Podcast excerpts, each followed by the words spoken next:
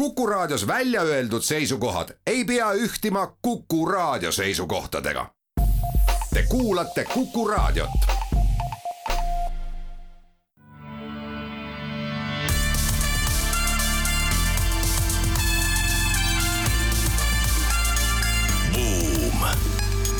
buumile annab hoogu SEB Pank. tere päevast, head raadiokuulajad! Käes on kolmapäev, kahekümnes juuli ja eetrisse läheb järjekordne majandussaade Buum. saatejuhid on täna Ott Pärna ja Raivo Vare. alustame kaosest lennujaamadest ja räägime sellest, mis lükkas Araabia Ühendemiraatide lennufirma Emirates tagasi Heathrow lennujaama nõudmise vähendada siis Londonist peale hakkavate lendude arvu teise uudisena räägime sellest, et Saudi Araabia suveräänne investeerimisfond ostis äh, suure osaluse Aston Martini luksusautode, sportautode äh, firmas mõni päev tagasi kirjutas BBC, et India möödub rahvaarvult äh, lähiajal Hiina. vaatame sellele asjale majanduse poolt otsa. Ka teine uudis tuleb meil seoses Saudi Araabiaga veel, see on seotud Neomi nimelise tuleviku linna või õigemini isegi midagi enamat kui linnaehituse projektiga, mida arendatakse Saudi Araabias kõige mahajäänumas nurgas, kusjuures sellest riigist. kas see on turundusnipp või tehnoloogilis-urbanistlik läbimurre, on meie küsimus ja uudisteploki viimane sõnum tuleb Jaapanist, kus efektiivsuse tagaajamine on jõudnud selle maani, et hakatakse magamist korraldama ja seda siis lausa püstises asendis ning see, seekordseks saatekülaliseks on meil Postimees Grupi turundusdirektor Anne Muldmäe, kes ennem Postimehe meediamajaga liitumist juhtis viis aastat TalTechi turundus- ja kommunikatsiooniosakonda ja ennem seda on olnud pikalt nii EMT-s kui ka Telias.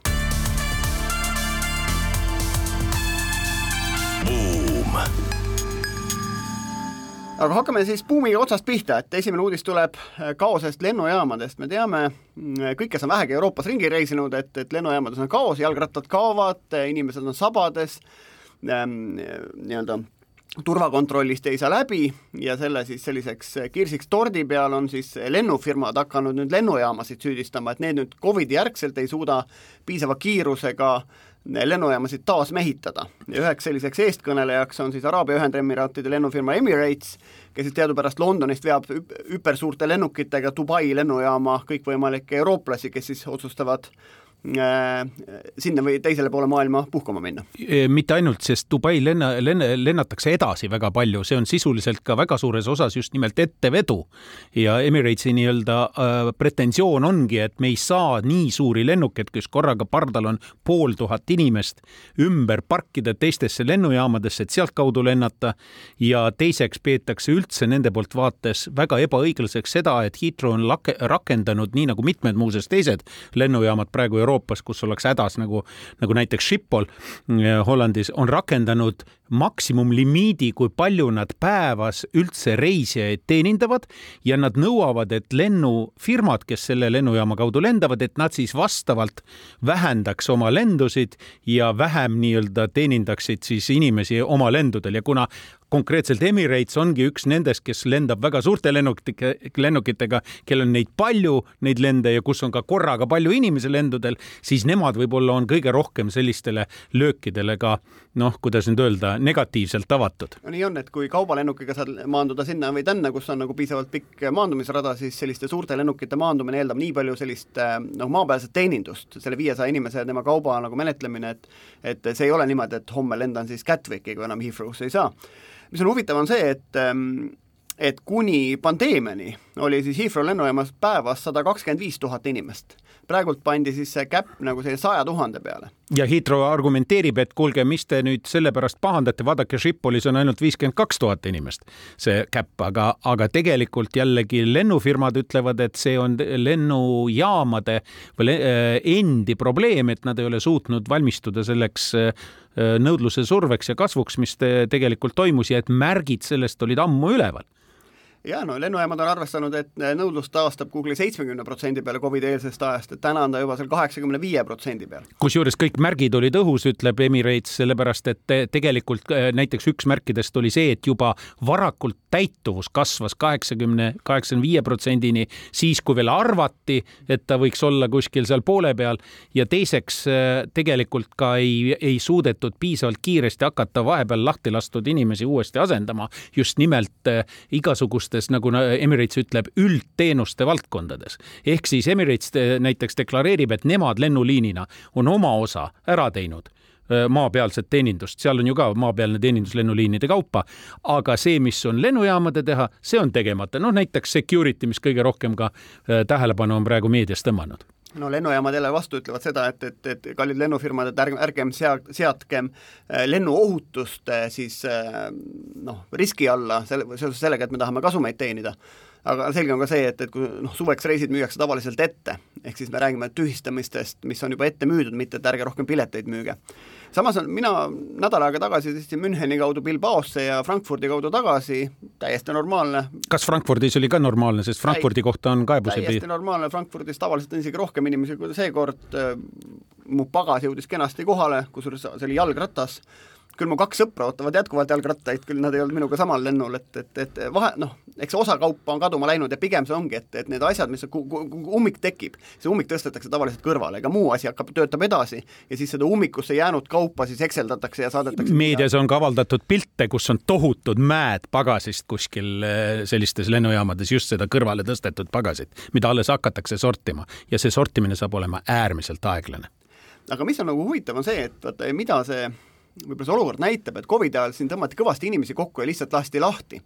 ja nüüd on see, et, et sa ei saa nii kiiresti võtta inimesi tagasi, see on, mis on see lennujaamade häda, ja isegi kui sa tahaks võtta ja kui sul mingid inimesed on olemas, siis ne, võtab aega nende sertifitseerimine, et nad üldse tohivad teenindada siis suuri lennukompaniisid. ja mida see võib-olla näitab äh,, võib-olla tuleviku mõttes seda, et suured ettevõtted ei saa olla nii arrogantsed, et halval ajal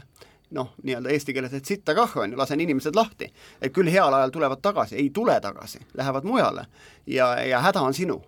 ehk siis, et tuleviku mõttes ilmselt ettevõtted mõtlevad kordi rohkem, kui nad hakkavad siin siis mingi kriisi, kriisi ajal oma inimesi kokku tõmbama kasumi eesmärgil, eks, et, et hiljem võib see kõvasti kätte maksta. ma toon lihtsalt ühe näite, seesama Heathrow näide, mis on Euroopa suurim äh, lennujaam, aga seesama Emirates ütles, et selle ettevalmistuse või taastamise ettevalmistuse käigus nad valmistasid ette tuhat pilooti, pange tähele, mastaabi suurusjärk, et tuhat pilooti selleks, et saaks uuesti lendama hakata, aga lennujaam jättis oma töö, ütlevad nemad, see analoogse tegemata, seal on muidugi tegu mitte enam tuhandega, vaid või mitme, mitme, mitme kümne tuhandega. Nii on, aga kui me juba siin lennundustest ja kallist tööstusharust räägime, siis läheme edasi superautodega, nimelt siis Saudi Araabia investeerimisfond. Äh,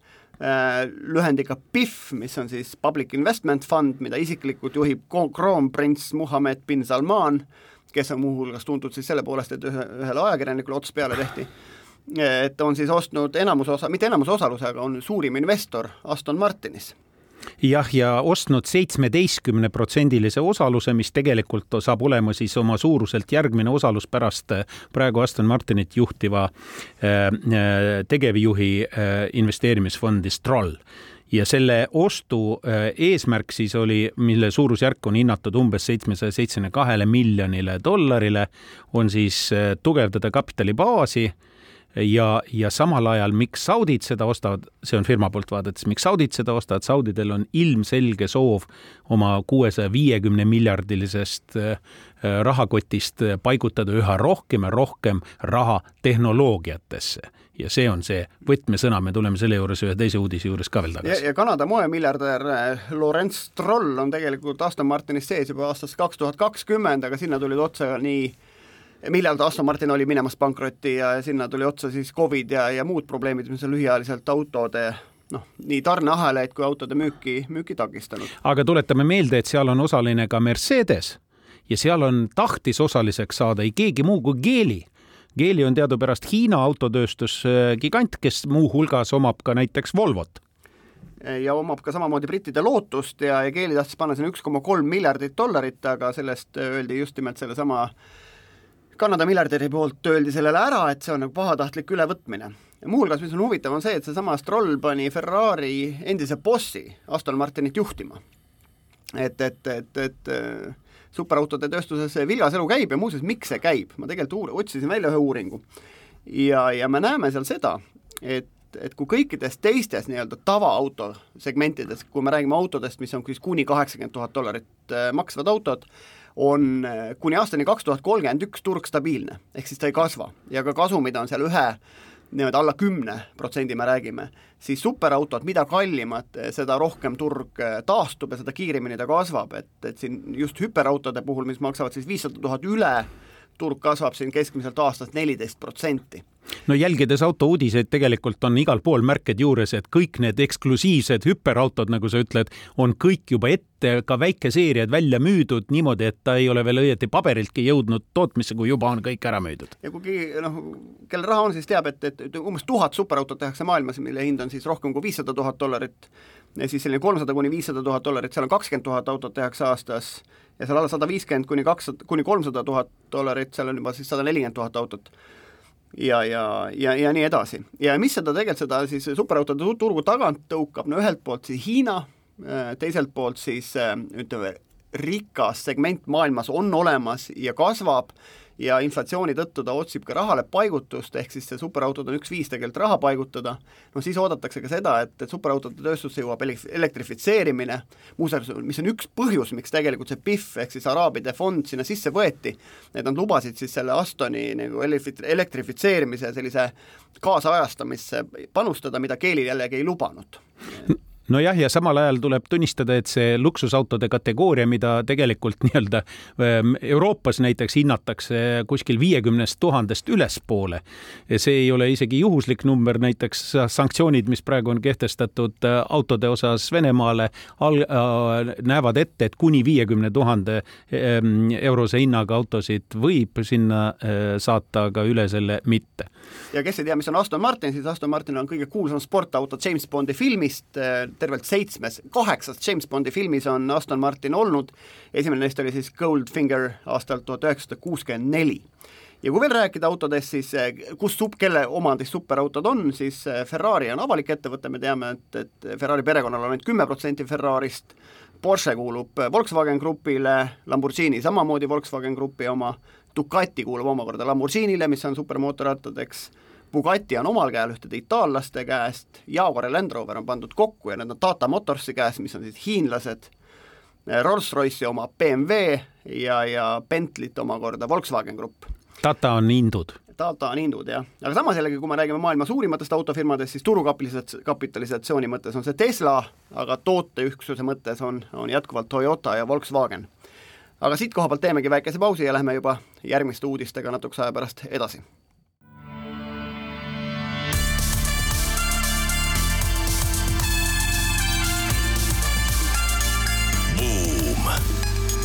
buumile annab hoogu SEB Pank. jätkame majandussaatega Buum, saatejuhid Ott Pärna ja Raivo Vare. eelmise ploki lõpetasime autondusega, rääkisime superautodest, et siin väike fakt SEB Panga faktipangast. nimelt kolmandikus Eesti peredes on mitu autot ja seda eriti juhul, kui peres on rohkem kui kaks last ehk siis Eesti-suguses riigis on auto vajalik just selleks, et oma suurt peret menetleda järgmise uudisena põgusalt puudutame seda uut rahvastiku kasvu prognoosi, mis on tulnud ÜRO-lt, mis teatab, et kahe tuhande kahekümne kolmandal aastal äh, India möödub igal juhul Hiinast rahvaarvult ja teiseks ilmselgelt on korrigeeritud ka rahvastiku üldkasvu prognoose, kus siis väidetakse, et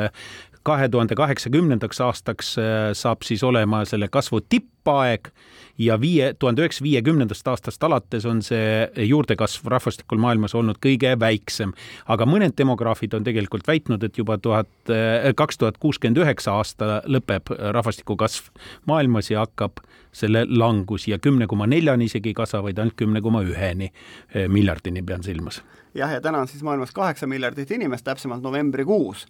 nüüd järgmise kolmekümne aasta kasvust, kui me mõtleme, kus ta toimub, siis kindlasti ta ei toimu Euroopas ja veel vähem ta toimub Hin-, Hiinas, kus tegelikult ühe naise kohta on ainult üks koma viisteist last. ja, ja me teame, et, et nii-öelda populatsiooni mõttes taastootmine on kaks koma üks last eh, siis ühe naise kohta, siis loetakse, et, et populatsioon on jätkusuutlik ja nüüd, et järgmise kolmekümne aasta jooksul, kustkohast see kasv siis tuleb? kaheksas riigis. kaheksas riigis. Sellised vahvad äh, riigid nagu Kongo Demokraatlik Vabariik, Egiptus, Etioopia, India, Nigeeria, Pakistan, Filipiinid ja Tansaania. ehk siis laias laastus me räägime ikkagi, et arengumaades see kasv toimub veel, kus pered on pigem suuremad ja mida arenenum on maa, seda väikesem see kasv on, ja no kindlasti on Hiina jalga lasknud oma selle ühe lapse poliitikaga, kus tõesti siis noh, nii-öelda see väikene sündivus hakkab olulist mõju avaldama selle no maailma üks kõige madalamaid sündivusfaktoreid on üks koma viisteist Hiinas seda annab isegi Euroopast otsida nii madalat. no vist Jaapanist leiab samasuguse, et, et Jaapanis asendavadki selle nii-öelda juurde kasvavat puuduvat põlvkonda robotid näiteks, on ju. me teame, et Jaapanis on näiteks sotsiaalhoolekandes väga palju kasutatakse roboteid just kaaslastena vanuritele, et kuidas seda aga ärgem unustagem, et selle juurdekasvu juures rõhutatakse, et tõenäoliselt ei ole isegi see mitte seotud laste arvuga üksi, millest me nii palju räägitakse, vaid on seotud ka eluea pikenemisega, mis kahe tuhande viiekümnendaks aastaks kõikide nende meditsiiniliste ja sotsiaalse heaolu kindlustamisabinõude abil võib tõusta kuni seitsmekümne seitsme koma kahe aastani keskmiselt üle maailma. Ja see pikenenud eluiga kasvatab ka üldist populatsiooni. Jah, ja, ja, ja noh, kogu see, see vananeva põlvkonna teema ja noh, see kindlasti tuleb palju äri, ärivõimalusi, me oleme selles saates siin varem ka rääkinud, aga näiteks üle kuuekümne viie aastaste osakaal, kui täna on kümme protsenti eh, kogu populatsioonist, siis aastaks kaks tuhat viiskümmend on juba kuusteist protsenti ehk siis mis ühelt poolt on nii suur murekoht kõikvõimalikele sotsiaaleelarvetele, kuidas seda asja üleval pidada, aga teistpidi võimalus siis ilmselt ka äri tegemisele selles segmendis. no mis on huvitav selle Indiaga seoses veel, et hin-, India kasv ja siis see kasvu möödumine just inimeste arvult Hiinast on viinud ka selleni, et Hiina ei ole näiteks India kõige suurem kaubanduspartner enam. et selle koha on Ameerika Ühendriigid üle võtnud aga see on laiem trend üldse, mis praegu maailmas toimub suure geopoliitilise, geomajandusliku võidujooksu raames. ja, ja mida siis ameeriklased Indiast ostavad, on teemantid, farmaatsiatooted, ehted, ähm, külmutatud krevetid, kosmeetika ja nii edasi, ja näiteks veeldatud maagaasi müüb Ameerika omakorda äh, Indiasse. Äh, ühe järgmise uudisena kindlasti tahaks puudutada seda äh, võib-olla mitu korda veel meil päevakorda tõusvat äh, teemat, mis seondub futuristliku projektiga, mida arendab seesama Mohammed bin Salman ehk MBS Saudi Araabia kõige mahajäänumas nurgas. see on siis loode, loode Saudi Araabias, mille nimi on Neom ja see ei ole mitte enam lihtsalt mingisugune urbanistlik linnaline projekt, vaid see on midagi enamat, sellepärast et seal nähakse ette igasuguseid asju, kaasa arvatud näiteks sellist asja nagu kommunik- äh,, äh, commuting on siis äh, liikumine, selle asumi sisene liikumine ujudes. Te kuulete õieti, tänavate asemel on ujumisrajad puhta veega, kus siis äh, inimesed saavad ujudes sinna oma järgmisse kontrollpunkti. kogu liiklus, mis ei ole inimese kondi jõul, on viidud maa alla ja nüüd viimane idee, mis välja käidi, oli see, et sada, sada miili on selline välja venitatud äh, struktuur äh, selle nii-öelda noh, kuidas nüüd öelda, ühe telje peal oleks aluseks ja siis igas asumis on kõik hästi käe ja jala juures, äh, mida inimesel igapäevaseks eluks vaja on. projekt on käivitunud, esimesed objektid on valminud, tohutu hulk inimesi, kõrgepalgalisi inimesi töötavad Saudi Araabia kõrbes, nende jaoks on vaja vastav ajutine linnak ehitatud, paremaid ajusid üle maailma ostetakse kokku, aga samal ajal ka mõned jooksevad minema ja põhjus põhjuseks on see, et need plaanid lähevad kogu aeg üha grandioossemaks ja üha rohkem inimesi kahtlevad, kas see on tänases majanduslikus reaalsuses lihtsalt teostatav. Ja Bloombergis on pikem lugu sellest, et me ei jõua siin kindlasti selles saates ümber rääkida, et paneme Buumi saate Facebooki lehte selle lingi üles, aga Bloomberg on siis eh, leidnud sisedokumente, kaks tuhat seitsesada lehekülge sisedokumente, mida ta on siis analüüsinud ja mille pealt on kõikvõimalikke neid järeldusi teinud, et et ühelt poolt jah, see on olnud tohutult atraktiivne projekt, eh, kuhu, kus taga on raske raha, kõikvõimalikel maailma siis äh, futuristidele, alates Hollywoodi disaineritest äh, ja nii edasi, kellest osad tõesti on sammud tagasi seadnud, aga väga mitmed on ka seal alles ja seal eripära on selles, et kui eeskujuks ongi võetud Dubai edulugu kolmekümne aastaga kõrbe kalurikülast äh, suureks finants- ja majanduskeskuseks, siis erinevus seisneb selles, et MBS, kes pidi käsipidi iga päev selle asja juures ise olema, sõna otseses mõttes tehniliselt sellega tegelema autokraadina, siis selle eesmärk on luua tehnoloogiline utoopia, mida Dubai ju ei ole Dubai on nii-öelda midagi muud selles mõttes, aga Dubai on näide, et midagi on võimalik väga suure raha ja väga suure tahtmisega ikkagi teha ja sinna planeeritakse kosmodroomi näiteks ja, ja linnal on omal nagu brändi, mitte isegi linna nagu brändiraamat, vaid linna enda. no see ei raamat. olegi linn enam, see on midagi enamat, see on ka üks osa sellest arusaamast. ja, ja viis miljardit tahetakse näiteks vesiniku tootmise tehnoloogiatesse investeerida ja mõnes mõttes ta on selles mõttes noh, miks ta oli arhitektidele sellistel atraktiivne oli, et saab nullist ehitada, kellelgi on raskelt raha pandud ja kõik linnad maailmas on lõpuks nullist ehitatud, on ju aga just, et, et, et see kõrb on ju, seal ei ole tilkagi mage vett, seal on temperatuur nelikümmend kraadi, et, et kõik see ja tuletan meelde, sellises olukorras siis tänavate asemel on ujula ja ujumine sinna, kuhu sa tahad minna ja jõuda. Ja, ja, ja neil on seal igasugust ja siis on ka see, et, et palju projekte tühistatakse, et neil oli seal Silver Beach, mis oli selline hõbedasest läikiv rand. no spetsiaalne äh, killustik sinna ja, paigutada. killustik sinna... tehti nimelt siis lii-, ühesõnaga liima, liiva imiteeriv killustik tehti tegelikult marmori jahvatamisest, eks, aga see projekt samal ajal siis ka cancel dati ära aga mis on muidugi, muidugi huvitav, on see, et vaatamata sellele, et siis seda projekti juhib siis autokraat, kes on siis ka nagu noh, varem rääkisime siin mõrvade ja muu sellisega seotud, et siis äh, maailma kapitalistidele on see asi jätkuvalt atraktiivne, et sinna on investeerinud nii Blackstone kui SoftBank, ehk siis kõikvõimalikud maailma riski, riskifondid, kellel raha on, on äh, viisil või teisel selle asjaga kaasas. aga selle eripära ongi selles, et tegu on globaalse mastaabiga tehnoloogilise eksperimendiga. see on veel kord rõhutus, see ei ole urbanistlik projekt, vaid see on futuristlik tehnoloogiline projekt, millel on urbanistlikud jooned ja samas no me teame, et maailm tegelikult vajab selliseid asju, sest et, et terve hulk maailma linnu on tegelikult ju väga vaja vana ajalooga ja ilmselgelt vajaksid kaasajastamist nii oma logistika, keskkonna, jalajälje kui ka kõige muu mõttes, milleks üks on näiteks see, millest rääkis äh, Veneetsia arhitektuuribiennaal eelmine suvi, et, et, et tegelikult siin linnas ei ela ainult inimesed, siin peavad kõikvõimalikud muud nii-öelda elusolendid, kes maakera peal on ka linnas suutma elada. et, et äkki me peame et moodsad tulevikulinnad on äkki hoopis neile. iseasi, kas selleks peab olema kõrb või võiks seda, selliseid asju eksperimenteerida mõnes looduslikus äh,, looduslikus mõttes nagu mõistlikumas kohas aga ennem seda, kui buumi uudisteplokiga otsa kokku tõmbama, meil siin üks efektiivsuse tagaajamisele viitav uudis Jaapanist, nimelt on siis Jaapani ettevõte toonud välja prototüübi näpp, boksist või siis unekastist, ehm, kus siis on selliseid, ehm, on, on tehtud prototüüpe, see on sellisest kastist, mida võid kontori nurka panna ja kus siis inimene saab sees magada. see ei ole nüüd päris õige öelda, kast, kast on midagi horisontaalselt, aga see on vastupidi, see on vertikaalne selline püstak või püsti olev kast, kus siis toetades kaela, selga, nimmepiirkonda ja põlvi äh, saab inimene sisse astuda, seal äh, veeta pisut aega, relax tähendab täiesti äh, vaba, vabalt ja hetkeks suikuda ja põhjuseks on taustaks see, et Jaapanis lihtsalt töötatakse üle. jah, jaapanlased teevad kaheksakümmend tundi ületunde, mis on siis kaks nädalat ületunde kuus mis on päris palju ja jaapanlased magavad töö juures ja selleks on neil lausa spetsiaalne sõna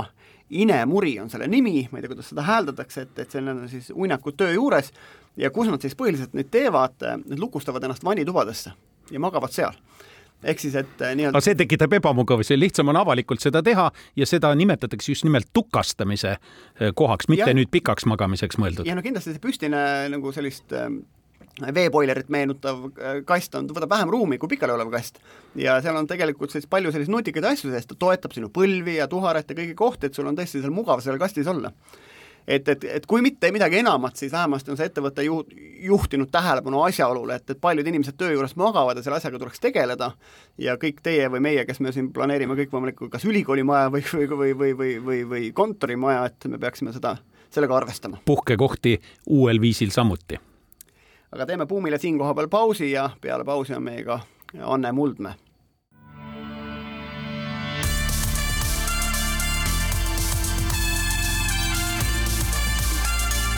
buum.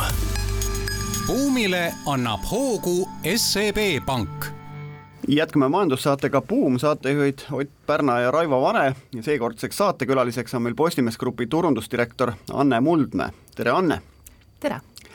Enne Postimehe meediamajaga liitumist juhtis Anne viis aastat TalTechi ehk siis Tallinna Tehnoloogiaülikooli või Tehnikaülikooli turundus- ja kommunikatsiooniosakonda. Ning ennem seda oli pikalt kõikvõimalikel turunduspositsioonidel sellises ettevõttes nagu Telia. Et tere tulemast, Anne, et, et kui nüüd kuskilt pihta hakata, siis võib-olla milline etapp sinu selles kuulsusrikkas karjääris on kõige sellisem säravam või mis sulle endale kõige rohkem on, on meelde jäänud? aitäh, selline mõnus küsimus ma arvan, et aus olles, siis ähm, see viimane lõpetatud etapp, et ilmselt Tehnikaülikooli etapp hetkel tundub ikkagi kõige säravam, sest see on ühe väga ägeda uue teekonna algus siiski, eks, mis seal majas sai, sai nii-öelda ära tehtud ja käima tõmmatud ja, ja ma väga elan kaasa praegu ka, et kuidas majal läheb ja kuidas see areng, äh, kuidas see areng ähm, kulgeb. Aga kui nüüd rääkida sellest hästi pikast äh, perioodist nagu eelnevast sellest suurest telekomi ettevõttes, eks, et mina tegelikult olin hästi pikalt just seal EMT majas ja, ja, ja ja sealt siis tekkis vahepeal ka ühendettevõte, MT Elion ühinesid ja lõpuks sai bränditud siis ka kogu see ühine maailm veel Teliaks, et siis äh, sealt on muidugi tegelikult, see on mind inimesena hästi palju kasvatanud, et kuna oli tõesti privileeg töötada kvaliteetbrändiga ja brändidega ja ja, ja ikkagi väga ambitsioonika ja väga ka, kuidas öelda, suure õhinaga, suure kompetentsiga ja selliste hästi õigete väärtustega, eks meeskonnaga, et siis äh, neid ma olen isiklikult teele kaasa võtnud, ma olen õppinud sellist, me oleme korduvalt õppinud eduelamust, et kuidas üldse siis selline meeskondlik õnnestumine, kuidas see tunne on, mida üldse tahta, tiimide juhtimise kogemused, et milline tegelikult võiks olla üks hästi kokku toimiv tiim, et need on kõik peamised isegi sealt tulnud kas on ka midagi, mis on sellist rahvusvahelist äh, dimensiooni toonud sisse nendes töökohtades, iseenesest see nagu eeldas, kas on midagi sellist erilist, mis sellega koos tuli? Või, või suurfirmad äh, siseturule töötades äh, suures osas siiski noh, väga palju sellele tähelepanu brändingu mõttes ei pea pöörama? No kui nüüd seda telekomi perioodi jälle analüüsida, siis, äh, siis Eesti, eks äh, kogu selles Telia Sonera grupis, eks ju, hiljem siis Telias tegelikult äh, oli pisike, aga ikkagi selline väga vilgas, kiire, väle ja jube heade näitajatega selline nagu pioneermaa, eks, et teised suured turud muidugi, nad olid rahaliselt võimsad ja, ja, ja, ja, ja super kihvtid brändid kõik, aga, aga meie brändi tugevus eristus just, et kui rääkida näiteks soovitusindeksitest, eks ju, neid paljud teenindusettevõtted mõõdavad, et siis meil oli ta mitte lihtsalt plussis, vaid tugevalt plussis ja see oli ikkagi noh, seda täiesti peeti harukordseks ja ikkagi uuriti, et mis meil siis nii, nii palju teistmoodi on. et eks seal on ikka need väikese riigi era, eripärad, nagu meil igas valdkonnas kipuvad olema, aga aga jah, et see benchmark Eesti versus teised, siis pigem nagu Skandinaavia ja Baltikumi maad, et, et ähm, et seal oli ka eduelamust, aga noh, oli muidugi õppimiskohti ka, nii et ähm, ja noh, kui nüüd tulla ülikooli poole edasi, siis seal ikkagi see konkurents on terve maailm tänapäeva Eesti noortel, nii et seal me ikkagi vaatasime päris, päris hoolega ja usinalt, kuidas paremad teevad ja kuidas et millega siis Eesti saaks eristuda, eks oma siin lähipiirkondades ja, ja mida üldse nagu heaks nii-öelda nagu benchmark'iks pidada. Ma tean, et sul on kolleegid Inglismaalt, kelle nimi on vist Paul ja David sõbrad, kes, kellega koos te vist hakkasite empty lepatriinut kõigepealt tegema, siis olete teinud üht koma teist tulevikus, et et mille poolest see turundus nii-öelda maailmas ja, ja turundus Eestis erineb ja miks me peame maailmast mingit kompetentsi tooma? no kui mõelda, eks ju, headele kolleegidele Londonist, siis üks asi, mis seal on lihtsalt noh, täiesti super hea on ikkagi see, see maailma no ütleme, see maailmaturunduse trendide mekas olemine ja kõige niisuguse parema, eks ju, kogemuse nagu lähedal olemine ja sealt ikkagi filtreerimine erinevate valdkondade jaoks siis, et milline on siis see ülikoolisuguse või siis eks telekomi ette, ettevõtte suguse maja siis noh, elementaarne näiteks disainikeel, eks, et millel peab silmas nagu, nagu pilku peal hoidma ja, ja, ja noh, üldse selline võib-olla disa-, hea disaini eluiga, et, et kui pikk see üldse on, eks, et et vaat omamata võib-olla nii suurt ja võimast kogemust, eks ju, ka siin Eestimaal, eks ju, ise töötades või partneritega suheldes, siis äh, siis seda head kogemust ja sellist head laia vaadet lihtsalt äh, kohalikul turul ilmselgelt on vähem, et on väga häid kolleege ja õnnestumisi, aga, aga noh, et ikkagi väga suur kindlus on minna kusagile küsima ja, ja nõu pidama, eks, kus, kus on nagu usaldusväärne lai vaade, et siis on noh, hoopis teine platvorm minna kui pikk on hea disaini eluiga, ma tean, siin vahepeal oli, et Saku turundajad väsisid ära originaali brändist, mis on nende kõige kõvem bränd, on ju, et mõnel juhul on niimoodi, et vaheta ettevõtet, kui sa oled brändist väsinud, mitte ära lõhu brändi ära, ja me teeme maailmast lugusid, kus on brände muudetud raske raha eest ja ja kas hiljem on tagasi muudetud või vähemalt pole sellest mingit kasu toodud, noh, British Petroleum on üks selline näide. et kui, kui, kui pikk on hea disaini eluiga? No ütleme nii, et äh, brändi muutmisel ma oleks ka väga ettevaatlik, brändid võivad ikkagi, kui neid hästi juhtida ja just ütleme, kaasuvat disainikeelt, siis disain on muidugi ainult üks, eks ju, ja visuaalne graafiline disain on üks element, eks ju, brändiga võib-olla noh, sellest üldisest niisugust tunnetuslikust spektrist, aga aga et tegelikult tuleks mängida, just kaasajastada disaini, mängida brändi ümber, aga mitte ilmtingimata muuta, võib-olla see on selline esimene selline turvaline nagu äh, seisukoht. aga jah, et see disainikeele muudatus kui selline et kipub ikkagi nii olema, et üks paar aastat on stiil värske ja, ja eriti, kui sa tuled millegi uuenduslikuga, lihtsalt nii palju tuleb järgijaid, et sa, sa paratamatult mõned elemendid juba nagu kaotad konkurentsile, eks, et ja, ja ise ka tiimid väsivad ja noh, võib-olla tarbija väsib kõige, kõige vähem, aga, aga tiimid ja, ja noh, ütleme see valdkond ikkagi peab arenema. ehk siis, et, et jah, et niisugune kaasuv disainikeel ja üleüldse selline nagu Elementika et üks niisugune kaks aastat oleks privileeg uuenduse mõistes, kui on jõudu ja võimu. kui palju on disainist rääkides, kui palju on disaini juures tähtsus kultuuri kontekstil? siin võib, noh, mul on isiklik kogemus rahvusvaheline, kus ma olen näinud, kuidas eksiti selle vastu ja see on väga suur probleem, eriti kui see juhtub näiteks Aasias, kus on ka sümboli väärtus hoopis teises tähenduses kui meil. aga kui palju see meil kogetud on? Jah, ma ei, ma võib-olla ei, ei julge ennast nagu päris eksperdina siin nagu võib-olla välja mängida, aga aga kui ma nüüd jah, kokku puutudes ka näiteks nende enda, eks ju, majadega, kus mina olen olnud, eks ju, vaadates, mis siis muul, mujal maailmas, maailmas on, et siis nii nimede kui, kui värvide, kui, kui tegelikult noh, ütleme väljendite, kui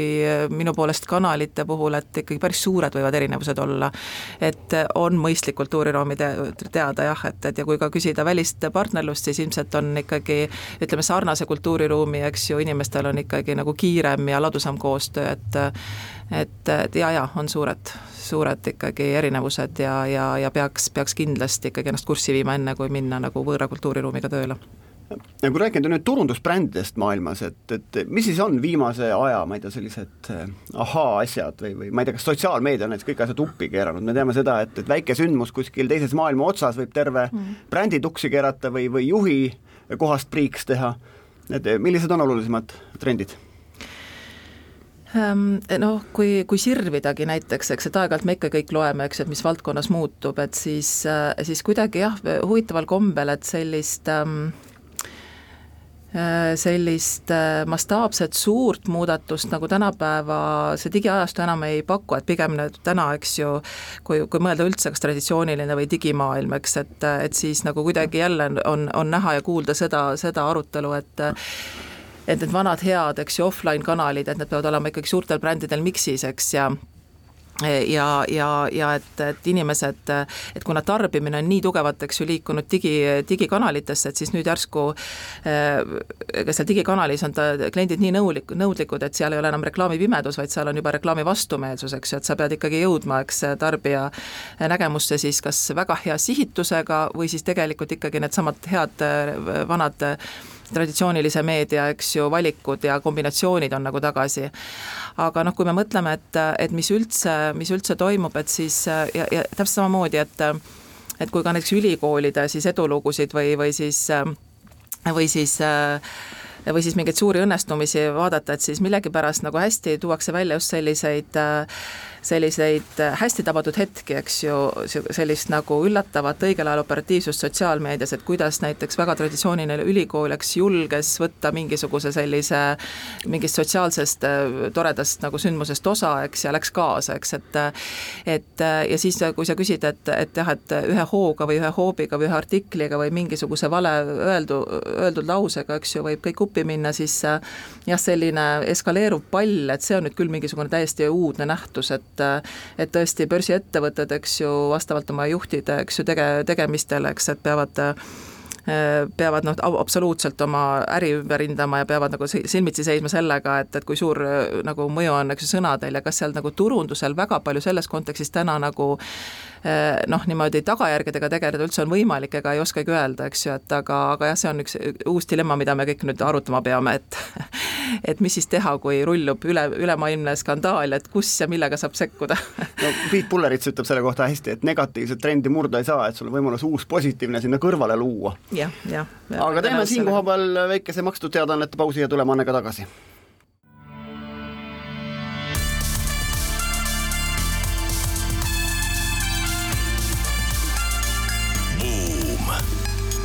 buumile annab hoogu SEB Pank jätkame majandussaatega Buum, saatejuhid Ott Pärna, Raivo Vare ja seekordseks saatekülaliseks Postimees Grupi turundusjuht Anne Muldmäe.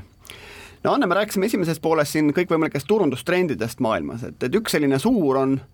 on veel näha, on see, et ettevõtted loovad nii-öelda majasiseseid turundusagentuure. et võib-olla klassikalisem näide on Red Bull Media House võib-olla kui see Red Bull ongi nagu meediaettevõtteks kujunenud, kes ise müüb täna siis product placement'i, et kui ennem said, ma ei tea, Rolexi kellaga läksid James Bondi filmi, siis täna peame minema Rolexi kellaga nagu Red Bulli mingisse filmi, et, et siis turundada seda, seda siis vastavale segmendile, et et, et kas see on tulevikutrend, kas kõik ettevõtted teevad seda, kas Postimees teeb enda meediaagentuuri või turundus- ja meediaagentuuri? kuidas asjad lähevad? no Postimees on täitsa eraldi nähtus, sest et see on ju meediamaja et, et võib-olla natuke vara mul hinnata, et, et kuidas siin kõik nagu ideaalne oleks, aga aga ilmselgelt sünnib siin hästi palju maja sees. Ja, ja selle võti muidugi on siis äh, et selle, sellise mudeli edukas võti peitub ikkagi siis väga heas ühises tunnetuses, et äh, mis on see lugu ja, ja, ja kuidas me teeme, eks, ja kuidas me mingites valdkondades teeme, et see hea sisekommunikatsioon ja hea bränditunnetus on siin hästi oluline. aga laiemalt võttes, eks, et kui ma lähen niimoodi klassikalisemale poolele, et, et noh, et loovtöö, eks ju, kaasa arvatud kõiksugune disain ja ja, ja meedia planeerimine, eks ju, kui me ei oleks meediamaja, oleks teine klient, et siis siis see on, see on mahtude ja see on kompetentsi küsimus, et kui, kui kui tõesti mahud on sedavõrd suured, eks, ja, ja kuidas öelda, et ja toode on siis selline noh, geneerilisem toode võib-olla, et, et, et ettevõte usub, et, et teatud mudel neid teenindab ära, et siis, siis on see nagu kuidagi jõukohane tõesti võib-olla või mõnes mõttes ka pragmaatiline toode, tuua teatud funktsioonid, eks ju, mis on, millele läheb suur tööressurss, et on nagu mõistlik hoida täitsa in-house, eks, et mina ise tegelikult olen natuke teistsuguse vaate, et ma arvan, et, et siiski just see kompetentsi, eriti digimeedia kompetentsi ja noh, üldse meedia arengu mõistes, et see on nii kiiresti arenev valdkond, et see on päris kallis hoida ikkagi teravat kompetentsi üle, üleval, et mulle väga meeldiks selline mudel ja, ja mina olen püüdnud niimoodi viljeleda, et et kõige sellisem noh,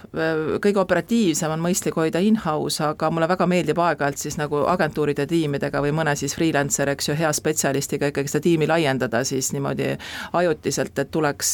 tuleks hea uus värske idee ja kompetents ka majja, eks, et ma tegelikult pean mõnes mõttes hästi lugu sellest traditsioonilisest, eks ju, turunduse mudelist, aga ma väga nagu soovitaks küll agentuuridel, et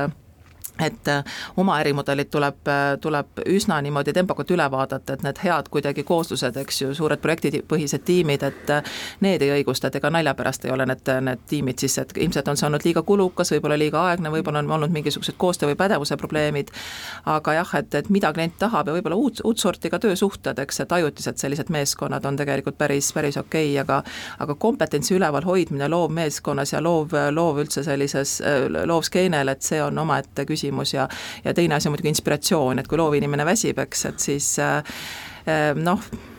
siis tuleb vahetada loovinimest. jah, ta, tema peaks vahetama keskkonda, eks, et äh, öeldes nagu ilusamini, et aga, aga jah, et, et see väsimus ikkagi tekib paratamatult, eks ju, agentuuri tiimides ka nad roteeruvad, et ikkagi saada värskust, eks. aga kas need agentuurid peaks ka oma mudelit ringi vaatama, et ma ei tea, rentima töötajaid või selles mõttes, et mina arvan küll, jah, mina näiteks teeks seda, kui ma täna agentuuri poolel oleks, et ma väga palju küsiks seda, et, et kui te tellite, kui te üldse alustate, eks ju, oma turundusbriifi kokkupanemist või seda vajaduse arutelu, et kuidas te siis aruta-, arutlete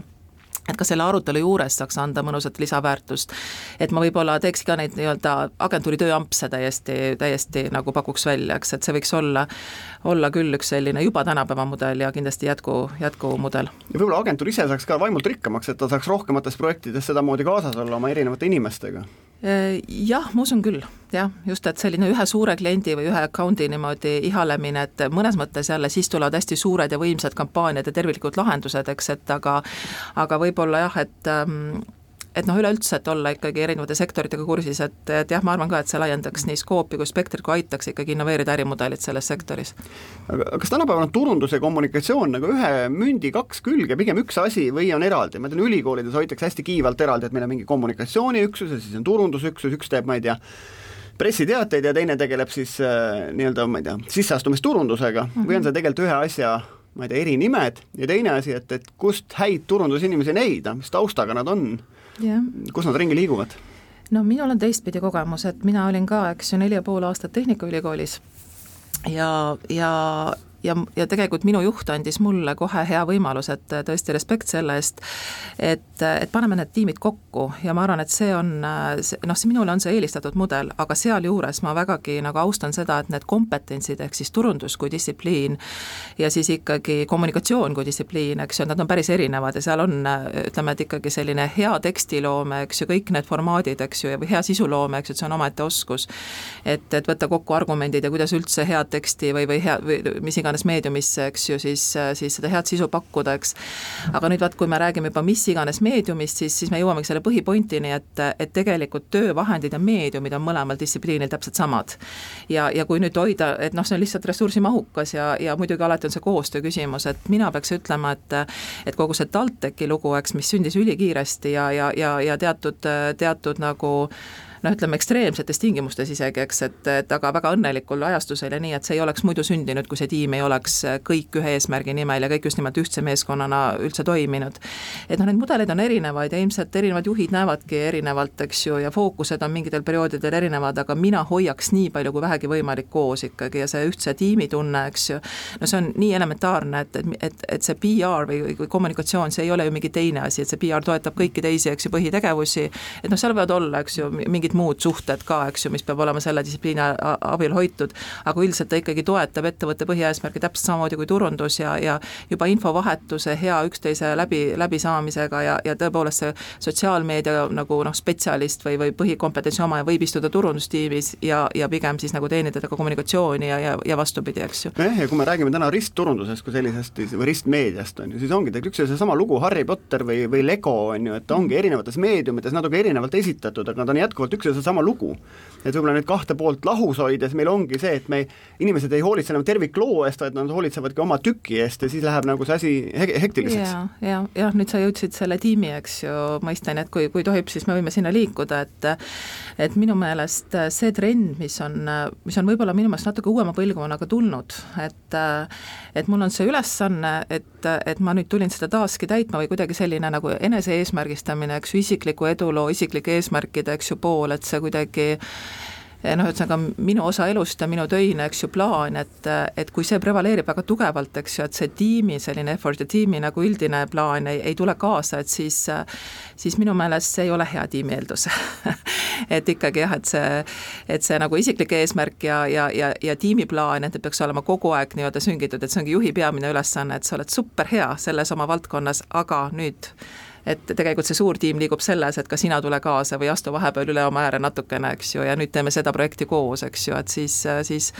jah, tuleb hoopis teine tulemus. aga kuidas motiveerida inimesi selleks? Eh, noh, mina ütleks niimoodi, et kõik tuleb kogemuse pealt, et peab olema lihtsalt juhil sihikindlust, et, et luua neid ühiseid momente ja ühise eduelamuse siis selliseid asju, et ja, ja see, see tekitab nii positiivset adrenaliini, adrenaliini. aga kuidas ma seda teen nagu pandeemia tingimustes, kui inimene kodus töötab, ma isegi ei saada ka õieti kokku ainult eh, nii-öelda eh, kommunikatsiooni vahendite abil? noh, see on äärmuslik jah, seda me kõik nägime, aga tegelikult ka need noh, me kõik ju läbisime ka digitaalseid tiimiüritusi, eks ju, et juhi roll ka seal pandeemia ajal oli tõesti nui neljaks pidid toimuma ikkagi tiimikoosolekud, et me ei vajuks ära, et see on nii kerge tekkima, aga noh, isikliku elu plaanis, mis iganes teistes suhetes, eks ju, et see koos olemise, eks ju, kogemus ja koos olemise traditsioon ja et me siin tiimina jagame infot ja me siin tiimina praegu liigume selles suunas, et et noh, kui tõesti ei saa füüsiliselt, siis teed seda ajutiselt virtuaalselt, aga see tiimi kooshoidmine, see on noh, see on A ja O, kui sa tahad ikkagi saada suuremat tulemust ja, ja üksi versus tiimiga sa saad, tiimiga saad alati noh, palju rohkem. võib-olla üks, mis minu kogemus on näidanud, on see, et et kui aeg-ajalt anda kõikidele inimestele sellist projekti juhtimise vastutust ka mm., mitte ainult projektis osalemise vastutust, et võib-olla noh, siin on hea õppida IT-firmadest, kus on agiilsed projektitiimid, kus ükskord on üks projektijuht, teinekord on teine projektijuht, et sul ei teki seda võimalust, et et minu asi selles projektis on ainult see, on ju ja,. jah, jah, jah, väga nõus ka, et, et anda sellist nagu noh, meeskonnaülest vastutust, eks ju, projektide vedamisel, et see on ka minu kogemus, et see teeb inimesed hoopis teistmoodi teistmoodi lahti ja, ja, ja just, et anda proovida ka teisi valdkondi, et nüüd meil on noh, mingi sündmus, kus me peame kõik võtma rollid, eks ju, noh, ülikoolis on selliseid sündmuseid meeletult palju, eks, et see on võib-olla selline hea näide pigem, et et kui on ikkagi avatud uste päevad, siis ei ole varianti, et ma jään laua taha, ma lähen kusagile, ütlen üliõpilastele tere ja, ja ma olen füüsiliselt nende vastas, eks ju. et ja noh, nii edasi, et, et ja, ja ka mu, mingid muud sellised suuremad kampaaniad või projektid, et, et sinu kompetentsi vajatakse suures kampaanias, et tule nüüd sellest oma projektist korraks välja, välja, et vaat neid asju tuleb juhtida, ega nad ise ei teki, et kõigil on need töölauad on niikuinii täis ja et ega inimesed vabatahtlikult ju ei võta rohkem tööd, aga kui saada sellest, kui sellest tiimi koos tegemisest äh, ikkagi nagu sünnib suurem kogemus ja tavaliselt ikkagi sünnib, kui seda mõistlikult juhtida, eks, et vaat siis see tegelikult ise motiveerib tulema uute selliste kogemuste juurde. nojah, mida rohkem inimesed sellised, sellist nagu produtsendi oskuseid saavad, seda parem, et on algul väiksed produtsendid, siis on suuremad projektid ja lõpuks ja. nad on ka juhtide järelkasv on meil olemas. et tihtipeale see, et me ei lase inimesel tervikvastutust võtta, noh, viib ka selleni, et meil pole pärast juhtide järelkasvu enam kuskilt võtta. jah, väga õige ja tegelikult noh, see, see sama vana hea lause, et et juht ei pea olema üks parem spetsialist kui tema tiimis olevad inimesed, et et ja kui seda ikkagi nagu lasta orgaaniliselt võimenduda, et spetsialist saab olla ka kõneisik oma rollis, et siis see on ka hästi, hästi minu meelest positiivne, et üldse sõna areng, eks et kui me tiimidest räägime, et kui inimene tunneb arengut ja tunneb võimalusi tema isikliku tee jaoks, et siis see ongi põhiline juhtimisfilosoofia, et hoida inimeste arengut. meil on siin aeg kiirelt rutatud, ma siin SEB Faktipangast loen praegult et, et kuuskümmend kaks protsenti Eesti väikeettevõtjate ettevõtetest arvab, et roheinvesteeringud motiivina suurendavad nende konkurentsieelist. Lätis on see number viiskümmend kolm protsenti, Leedus nelikümmend neli protsenti. et kuivõrd selline, võib-olla viimane küsimus, et kuivõrd selline rohe- või sotsiaalsete eesmärkide omamine on pigem selline turundustrikk ettevõtetel või kui palju nad siiralt seda nagu teevad? mina olen selle palju, palju, palju mõelnud või selle peale palju mõelnud äh,. Äh, praegu on rohe, on selline A ja O teema, et heas mõttes me keegi sellest ei pääse, aga see võib olla ka natuke, eks ju, muu kaasu sotsiaalne teema, et see, see suurem töömõttekuse ja ühise teekonna, laiema väärtuse mõte on tegelikult hästi oluline et seda tuleb otsida järjest rohkem, siin on nii erinevaid põhjuseid, et ja rohe, ma arvan, et rohe on mõistlik valida juba sellepärast, et me tahame arendada kõik oma inimesi, me inimestena tahame kasvada ja kui minu ettevõte ka toetab, et kuidas siis olla paremini, eks, jätkusuutliku planeedi hüva, hüvanguks, et et juba selles mõttes, eks ju, et üheskoos õppida, üheskoos harida, mis minu valdkonnas saaks teha, eks, et see ei ole vale suund, iseküsimus, et kui suureks ja, ja ja milliseks see mängida, eks, et, et et noh, siin on nüüd nagu seda juttu jätkuks päris palju palju. ja, ja et kas see on päris või mitte, ma tean, Prantsusmaal on kõige rohelisem pank, et ei tea, kas ta on rohelisem veel kui meil SEB panga logo, aga aga nii ta on, et, et buumisaade on seekorraks läbi, suur aitäh sulle, Anne, stuudiosse tulemast ja turundusteemadel rääkimast, kindlasti kutsume sind teinekord taas, soovime Postimehe meediamajale ja tiimile palju edu ja Buum on taas eetris täpselt nädala pärast. seniks kõigile suvist edukat turundamist ja muidu mõnusat olemist